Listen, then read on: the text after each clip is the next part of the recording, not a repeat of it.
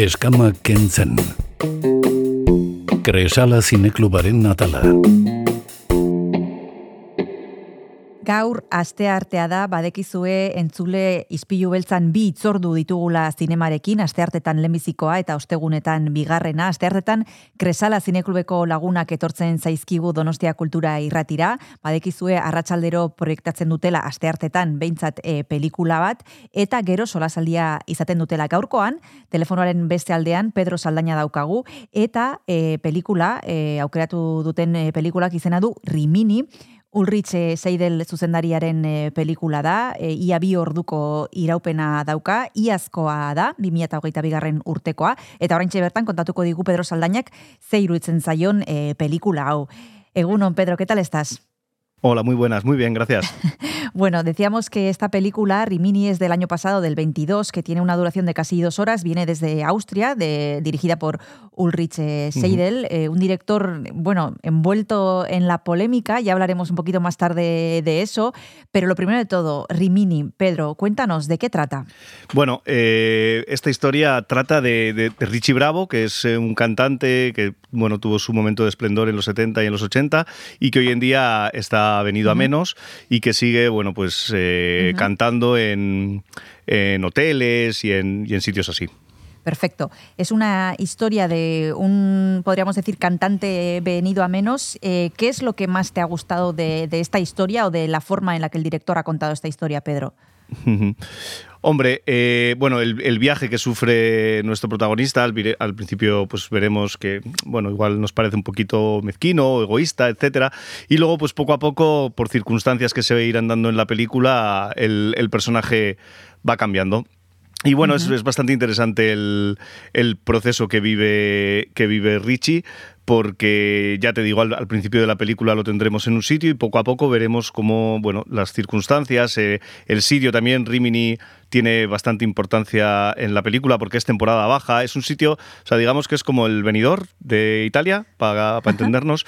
Y ahora estamos en temporada baja, con lo cual calles vacías, eh, bueno, se ve otra realidad, no, no la fiesta y el desenfreno del verano en Magaluf, sino otra cosa, eh, hmm. espacios mucho más desangelados, aunque siguen teniendo pues toda esa luz, todo ese color, realmente, o sea, todo lo demás es como si estuviésemos en verano, pero eh, la gente que hay, que es muy escasa y los ambientes son bastante desangelados y fríos. Si te parece, Pedro, nos vamos a tomar el primer descanso y para eso te voy a pedir que nos propongas una canción para compartir con los oyentes. Hablando de Rimini, de Ulrich Seidel, ¿qué, qué has pensado? ¿Qué se te ocurre? Pues una canción para volver un poco también a los 90 que se titula Brimful of Asia de Corner Shop. Perfecto, pues vamos a escucharla.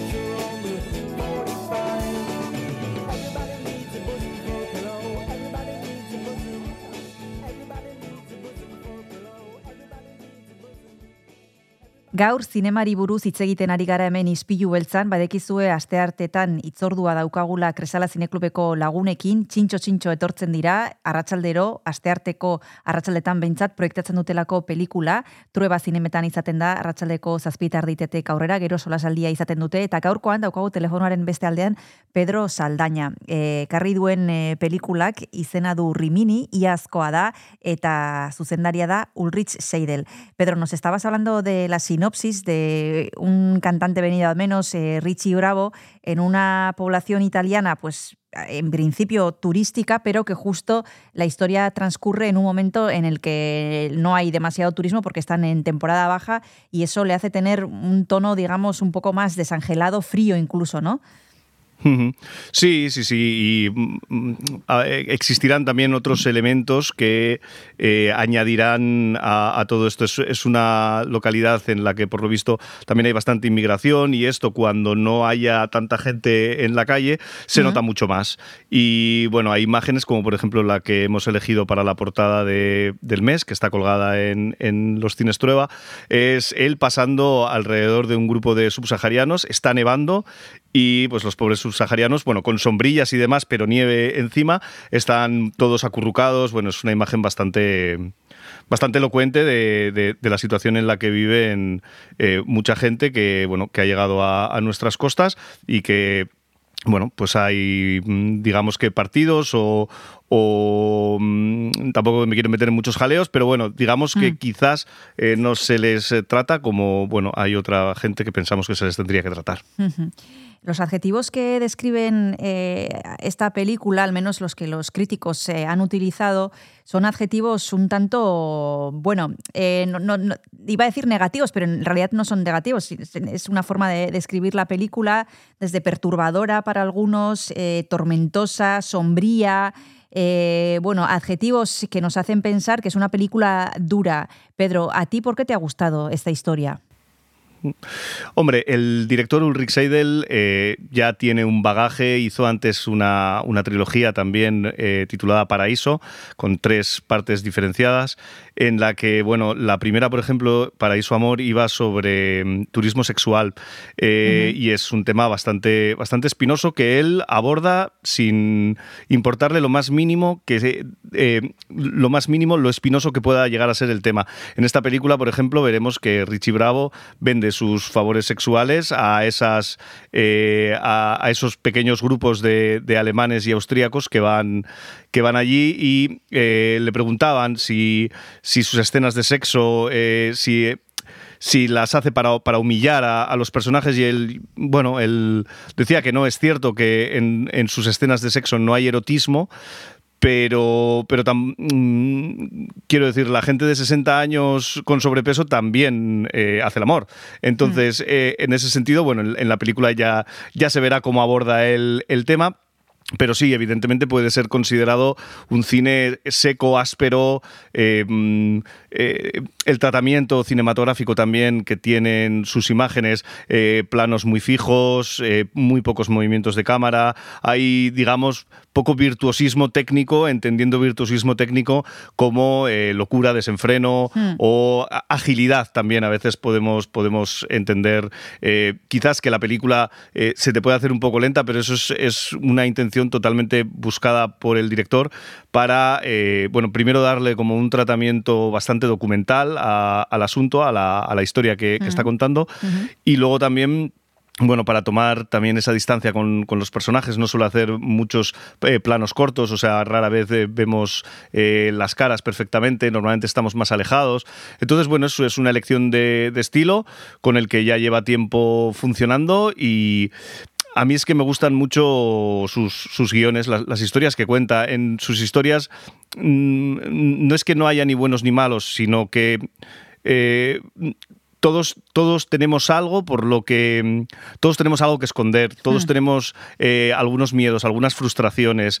Y, y todo esto en sus películas aflora y aflora yo creo que de una manera muy muy real y por eso hay mucha gente a veces que ante este cine pues se siente quizás un poco como, joder, yo, yo voy al cine a ver explosiones. es cierto que en este caso no, no es eso lo que, lo que vamos a encontrar, vamos a encontrar otra cosa, vamos a encontrar a un hombre que digamos que está perdido en su vida y que va a haber una serie de circunstancias en la película que le van a hacer de alguna manera reconducirla. Ujú. Hablabas del guion, decías que te gustan eh, los guiones de sus películas. En este caso, eh, él ha sido co-guionista junto con Verónica Franz.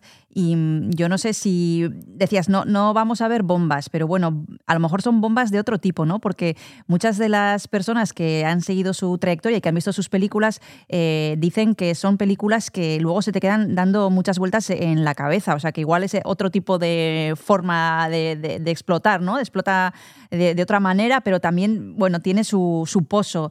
Eh, ¿A ti también te ha, te ha pasado esto con, con esta película y con sus películas en general? Que son películas que luego se te quedan un poco pegadas. Mm, Sí, hay que decir también que, eh, mm, o sea, por ejemplo, antes he mencionado el- la trilogía de Paraíso. Sí. Eh, esta película va conjuntamente con otra película. Él, eh, en entrevistas y demás, afirma que el, el proceso creativo es, él empieza a escribir una historia, pero llega un momento en el que los personajes se hacen tan grandes y tienen tanta importancia y tienen tanto metraje Hmm. que se acaban convirtiendo en historias individuales. Eh, Mm. Trilogía, por ejemplo, la, la trilogía de Paraíso era una trilogía que iba, eh, era una película única que iba a durar un montón de horas. Entonces él, afortunadamente, es su propio productor y se puede permitir esta clase de cosas. Dijo, bueno, pues la parto en tres. Es verdad que ahí puedes perder eh, cosas en, en cuanto al montaje, de vemos lo que está haciendo un personaje y después vemos lo que hace el personaje de lo que luego va a ser la otra peli. Eh, pero también, eh, en mi opinión, ganan mucho porque mm, sus guiones, aunque él también dice que el guion es solo el, el sitio del que, del que parte, o sea, el guion no es algo inamovible, sino que es lo que a él le permite poder seguir la, la estructura, es perfectamente móvil y perfectamente cambiable. Lo habla con, con los actores y llegan a, a- a lo que quiere a lo que quiere sacar Ulrich Seidel de, de esa secuencia. Entonces mm, tiene una manera de trabajar muy, muy particular. Mm. Cuando hablas, Pedro, de trilogías e incluso de dípticos, eh, ¿eso significa que las películas tenemos que verlas en el orden que él propone? ¿Son independientes? ¿Podemos mm, eh, ir a una sin haber visto las anteriores? Sí, sí, sí, sí. Se puede ver perfectamente cualquiera de Paraíso sin haber visto ninguna de las otras porque no afecta a la trama. Es cierto que hay personajes que salen y en, y en el caso de que nos ocupa, en Rimini, su, la otra película, la película hermana, por decirlo de alguna manera, es Esparta, que se echó en el, en el Festival de Cine. Sí. Y, en, y estas dos películas tienen un nexo de unión. Los dos protagonistas son hermanos. Richie Bravo eh, tiene un hermano que es el protagonista de Esparta. Y Vale. los dos tienen un padre que todavía está vivo. Lo que pasa es que igual ya empiezo a contar demasiado. Pero bueno, de lo Esparta vamos a hablar la semana que viene, o sea que Sí. no te adelantes. Vamos Sí. a centrarnos en, en Rimini, que es lo que hoy nos ocupa, pero antes nos vamos a tomar el segundo descanso. Pedro, eh, ¿qué nos propones para escuchar? Pues había pensado en Mala Vida de Mano Negra. Perfecto, pues vamos a escucharla. Tú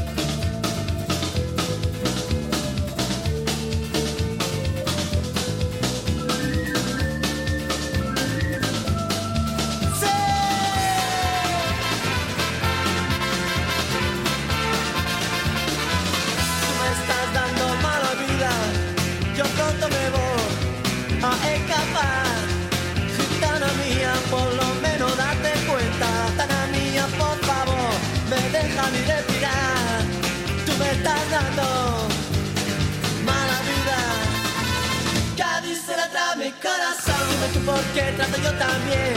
Cuando tú me hablas como un cabrón, Gitana mía, corazón está sufriendo. Gitana mía, por favor, sufriendo malnutrición me estás dando. Mala vida. Cádiz se la trae mi corazón. Dime tú por qué trato yo también.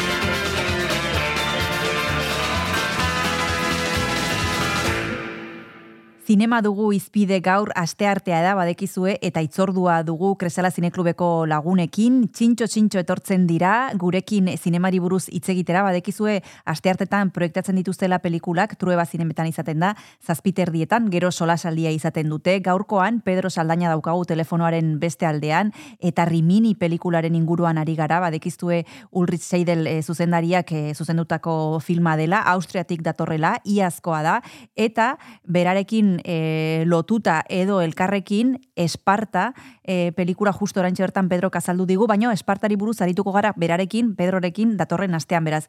Riminiri buruz, eh, Pedro, nos contabas que el director empieza a escribir y de repente lo que era una historia se le convierten en dos y en tres historias. Eh, esto es un, un modus vivendi, podríamos decir, de Seidel.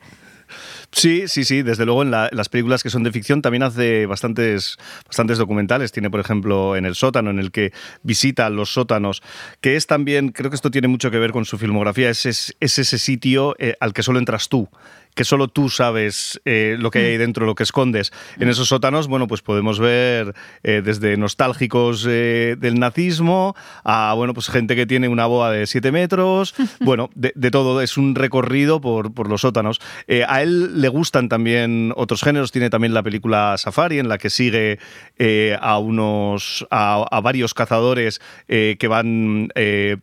de safari, siempre occidentales, con mucho dinero. Por ejemplo, en, esa, en esa película él dice que eh, los, los negros que, que trabajan para el- eh, los que van de safari, no- ninguno habla en toda la película y que es una decisión perfectamente consciente porque eh, no puede darles voz cuando sabe que nunca, jamás tienen, tienen voz. Cuando la gente va de safari no le pregunta nada, simplemente es el que lleva las cosas y, y ya está.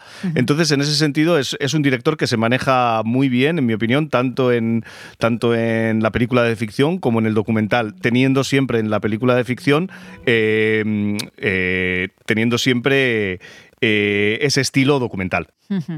¿A ti qué es lo que más te gusta? Y si hay algo que no te gusta, ¿qué es lo que no te gusta? No sé si hay algo, ¿eh, Pedro? Mm. No, realmente, eh, quiero decir, yo siempre, yo estoy muy cómodo, muy cómodo en la incomodez. O, o sea, me, me parece realmente interesante las películas que exploran sitios que no queremos visitar, películas como, como Canino o, o como mm, Langosta de Giorgios Lantimos, eh, son, o películas que hemos echado como el, El inconveniente de haber nacido y otras películas que muchas veces a, a- a muchos espectadores no les gustan, pero en general, eh, creo yo, no les gusta porque tratan un tema incómodo del que, no se quiere hablar, tabúes que eh, realmente quizás a mí tampoco me apetece mucho hablarlos, pero sí ver eh, la visión de alguien sobre, sobre ese tema. Mm. Bueno, yo intuyo que el debate sí se va a generar, por lo menos, ¿no? Eh, con esta y con la Mm. película de la semana que viene también. Sí, yo creo que. so- sobre todo con la otra, sí. Debate va a haber. De la otra ya hablaremos eh, la semana que viene, como hemos dicho. Invitamos a los que vayan a ver Rimini que se queden a- al debate, porque, como decimos siempre, hay muchísimas cosas interesantes que salen cuando se habla después de haber visto la película. Además, eh, bueno, una película como esta que seguramente va a generar discusión. ¿A quién se la recomendarías? Has dicho que es una película áspera, que habla de temas que nos incomodan. Eh, no son bombas, obviamente. Eh, tú, esta, ¿a quién, ¿a quién le dices, venga, esta te va a gustar? Sí, realmente a, a cualquiera que no, mm, no se conforme o, no solo se conforme, a mí también me gustan los blockbusters, no solo se conforme con eh, un cine autocomplaciente en el que pues al final los buenos se casan y fueron felices y comieron perdices. Es otra clase de cine que nos muestra pues otra clase de personajes mucho más vulnerables. Quiero decir, es como, como, un, como un torrente sin tanta comedia, para que Mm. nos entendamos. Quiero decir, es un personaje que realmente en algunos momentos pues, te, puede, bueno, pues, te puede parecer racista, te puede parecer eh, eh, muchas cosas, pero que eh, de alguna manera también eh, entiendes algunos de, de sus comportamientos, siendo estos reprochables. Es una película que, bueno, ha tenido también su recorrido en festivales, estuvo Mm. en Berlín, ha estado en Gijón y que la crítica, hay algunos que han dicho de ella que es la, mejor película de este director austriaco. No sé si estás de acuerdo. Sí, a- bueno, no sé si la mejor. A mí eh, la trilogía anterior también me gusta mucho. Este díptico me parece realmente espectacular. En esta yo lo que destacaría es el, el trabajo en, en fotografía. Me parece realmente espectacular, tanto lo que he comentado antes de los paisajes nevados, como sobre todo los interiores de, de los hoteles, la zona de la discoteca, las luces de, de neón, etcétera. Es eh, todo un espectáculo, en algunos momentos patético, en otros momentos divertido. Y a mí el, creo que el trabajo de foto de esta película es lo que más me impactó cuando la vi. Pues vamos a decir que la fotografía eh, ha corrido a cuenta de Wolfgang Thaler, para decir ya todo el nombre completo y a quién corresponde el trabajo de foto que citaba y que subrayaba Pedro Saldaña. Te dejamos, Pedro. Eh, recomendamos a los, a los oyentes que si pueden se acerquen esta tarde a las siete y media a ver Rimini, esta película que va hermanada con la que proyectaréis la semana que viene, que es Esparta, de la que hablaremos la semana que viene, una película envuelta en polémica y le preguntaremos a Pedro por, por esa polémica. De momento, lo dicho, recomendamos a los oyentes que se pasen hoy por los Trueba a las siete y media, que van a poder ver Rimini de Ulrich Seidel, el director austriaco. Muchísimas gracias, Pedro, por haberte acercado otra vez más a Ispillu Beltza. Un abrazo y hasta la siguiente. Muchas gracias a vosotros. Agur. Agur. Eskama kentzen. Kresala zineklubaren atala.